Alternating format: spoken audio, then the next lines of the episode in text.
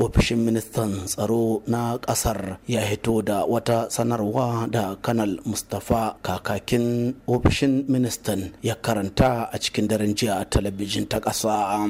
Les assaillants ont aussitôt pris la fuite en direction du Mali après leur forfait. Une poursuite a été engagée par nos forces de défense et de sécurité. Yanzu haka an kwarari waɗanda suka aikata wannan ɗanyen aiki da suka arce zuwa ƙasar Mali domin a dakatar da su sannan ya musu hukuncin da ya dace da su sanarwar ta ci gaba da cewa wannan harin fa Nijar ba za ta yafe ba tabbat sai ta ɗauko fansa. Kadal Mustapha ya ci gaba da cewa yanzu haka an keɓe kwanaki biyu na zaman makoki tare da mayar da tutar ƙasar a tsakiya. Haka zalika ministan tsaro ya isar da ta'aziyyarsa da sunan shugaban ƙasa shugaban askarawan ƙasar ga iyalan marigayan tare da fata alheri ga waɗanda suka jikata.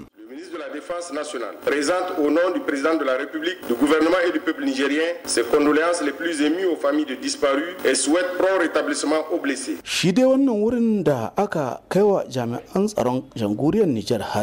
Cewa da sansanin 'yan gudun hijira na tazalle da ke kilomita 45 a arewa maso yammacin tasara kuma kilomita 80 da ƙasar mali yana kumshe da iyalai sama da dubu uku.